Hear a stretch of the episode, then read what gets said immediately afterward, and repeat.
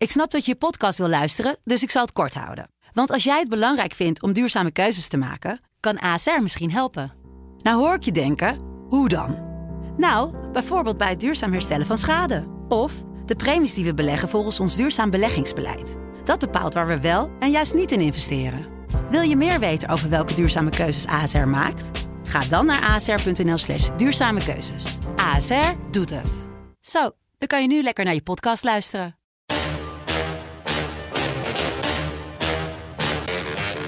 Dit is Strik Privé. De dagelijkse showbiz-update met Evert Zandgoeds en Jordi Versteegde.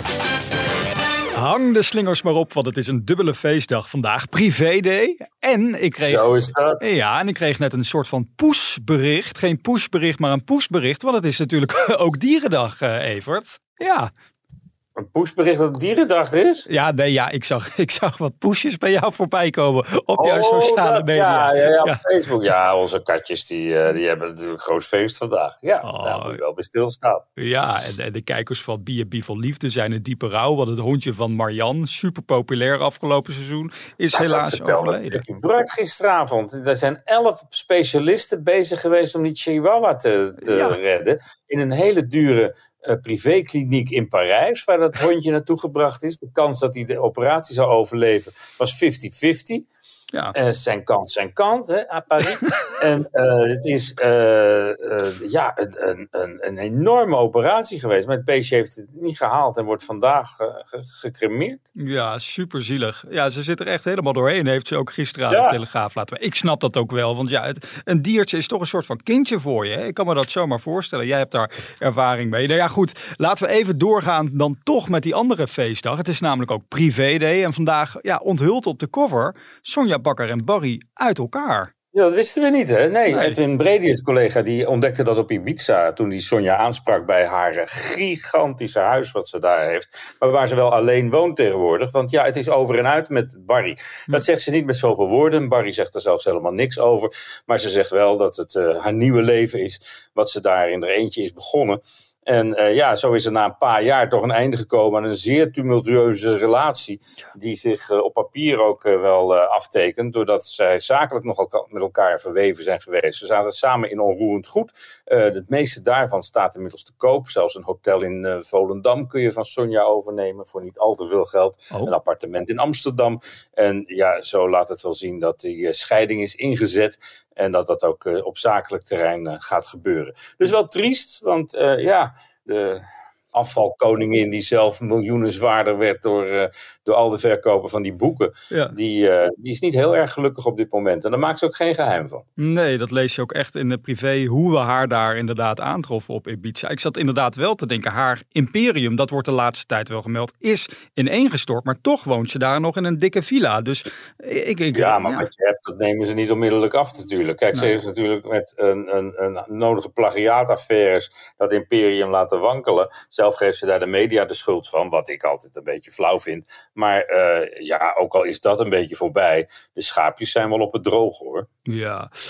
De schandaalboeken die vliegen ons uh, om de oren. We hebben het uh, eerder deze week natuurlijk al uitgebreid gehad over Carolien van Ede. Dan moeten we toch nog Ja, dat verschijnt vandaag. Hè? En uh, de problemen met bol.com lijken opgelost. Want daar is het ook weer te koop. Ja. Dus nou, Carolien kan de gram gaan halen als ze wil. Zelf vind ik het nooit een lekker uitgangspunt. Nee. een boek schrijven om anderen zoveel mogelijk schade te berokkenen. Mm -hmm. Maar uh, ja, zij vond dat ze het moest doen. Ja, ik, ik ben er tot nu toe, wat, wat ik erover gelezen heb, nog niet helemaal kapot van. Dat ik uh, denk van, jee, nou, dat had ik toch niet verwacht. Dit moet. Maar ja, het, is, ja, het geeft een aardig beeld van de, van, van de meilandjes, ja. wat zij ervan meegekregen heeft. Maar het is wel heel rancuneus van toon. En dan is er ook nog een schandaalboek op komst, tenminste dat denk ik zo te lezen, van Nicole Kremers, de ex van Peter Gillis. Daar was ook van alles mee aan de hand. Er was een schrijver die gaf toe dat hij daarmee bezig was, die doet het nu inmiddels niet. En nu komt ze toch met het hele verhaal over dat leven met Peter. Ja. Je weet dat er inmiddels een rechtszaak dreigt, 1,7 miljoen aan boetes zou zij verbeurd hebben, doordat ze zich 10, omdat ze 10.000 euro moet betalen voor elke keer dat ze zich negatief uitlaat over Peter. En uh, er komt zoveel bij voor elke dag dat ze dat niet betaald heeft. Opgelopen inmiddels tot 1,7 miljoen. Management van Nicole liet gisteren weten dat ze dat niet gaan betalen. Niet zonder slag of stoot. Nou, dat had ook niemand verwacht, denk ik.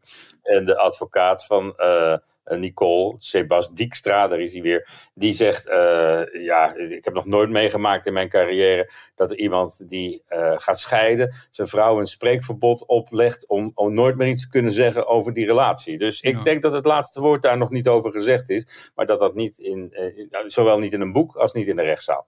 Het, uh, ja, het blijft een beetje natrappen naar elkaar, hè, wat je daar ziet. En dat zie ik toch ook wel een beetje gebeuren bij André Hazes en zijn oude schrijversteam. Want die komen deze week weer aan het woord in privé over dat repertoire van André. Ja, dat loopt nog niet lekker, hè? Tussen nee, het Van Hoevelaak doet een boekje open over de carrière van André en ziet het somber in. Ja. Nou ja, het, het, gaat niet van een leien dakkie, dat is duidelijk.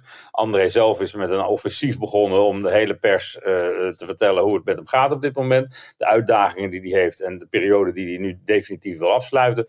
Maar ja, aan de andere kant voedt hij ook weer alle geruchten. Want hij heeft het uitgebreid over Monique, dat hij niet meer samen met haar slaapt. Hij heeft het over de relatie met zijn moeder, die niet al te best is. En waar we ook wat zien gaan, van te zien gaan krijgen in de, in de nieuwe serie die eraan zit te komen volgende maand op Videoland. En juist in de tijd dat de bom barstte, opnieuw barstte tussen hem en Rachel, draaiden ook de camera's. Dus zoals het er nu naar uitziet, gaan we dat allemaal beleven. Ja. als je dan rust wil in je privéleven, lijkt me dat niet de geëigende manier om dat te bereiken. Nee, inderdaad. Als je dan wil dat het over je nieuwe repertoire gaat, ja, dan moet je ook niet gaan zingen, denk ik, over alles wat er mis is gegaan in je verleden. Want dat roept natuurlijk ook weer vragen op. Trouwens, een vraag die ik net als eh, veel kijkers van die docu ook wel had, is: is hij dan nou heel erg rijk van geworden? Zelf zegt hij van niet, dat hij er 8000 euro aan overgehouden heeft. dat is toch dat is niet heel veel, moet ik zeggen. Voor, nee, dat zou je, als je daar je hele ziel en zaligheid van bloot te leggen. Nou heeft hij zelf een bedrag gekregen en daar zelf besloten om het heel mooi te laten worden. En ja, al die locaties die we in die serie hebben gezien toen. Las Vegas in een duur hotel, tickets, alles. Ja, dat moest er allemaal vanaf. Ja. Maar het bedrag van 8 ton wat rondzong dat, uh, ja, dat heeft hij kennelijk niet gekregen, toch? Dus ik denk hmm. dat zijn management dat steken heeft laten vallen. Want dat had hij er zeker voor kunnen krijgen. De Meilandjes krijgen meer voor een seizoen. Hij was uh, nog in de race om uh, de Impact Award volgens mij te winnen voor de Gouden Televisiering. Dat is hem niet gelukt. Maar wie wel genomineerd is, dat is Rob de Nijs. volgende week dan wordt bekend wie dan die Impact Award gaat winnen. En hoor ik nou geruchten dat Rob gaat proberen om erbij te zijn? Wat weet je daarvan? Ja, volgens zijn vrouw Jet zet hij alles op alles om erbij te zijn. We hebben hem natuurlijk niet meer gezien sinds juni vorig jaar, toen dat afscheidsconcert werd uh, opgenomen. Afscheidsconcert werd toen het werd uitgezonden, een half jaar later. Maar liefst 1,3 miljoen kijkers trok. Nou, voor dat programma is hij genomineerd. En Rob, die wil wel weer eens wat mensen zien. Die zit eigenlijk alleen maar thuis de hele dag. En die denkt, dit is een mooie gelegenheid om nog even keer naar uh, een groot feest te komen. En als het goed is, daar een prijs in ontvangst te nemen. Hij weet niet van tevoren of hij wint of niet. Hm. En uh, de organisatie werkt daar ook niet aan mee door te zeggen van kom dan maar, want je wint. Hm. Maar als, als hij zich ochtends goed voelt, dan is de kans groot dat hij erbij is. Kijk, volgende week donderdag 12 oktober is dat zover. Ja, dat afscheidsconcert was in de Ziggo Dome. En wie daar ook afscheid namen waren eh, de mannen van Kensington. Althans, ze namen daar afscheid van hun zanger. Even een klein fragmentje van Kensington. Even weer die herinnering ophalen. No,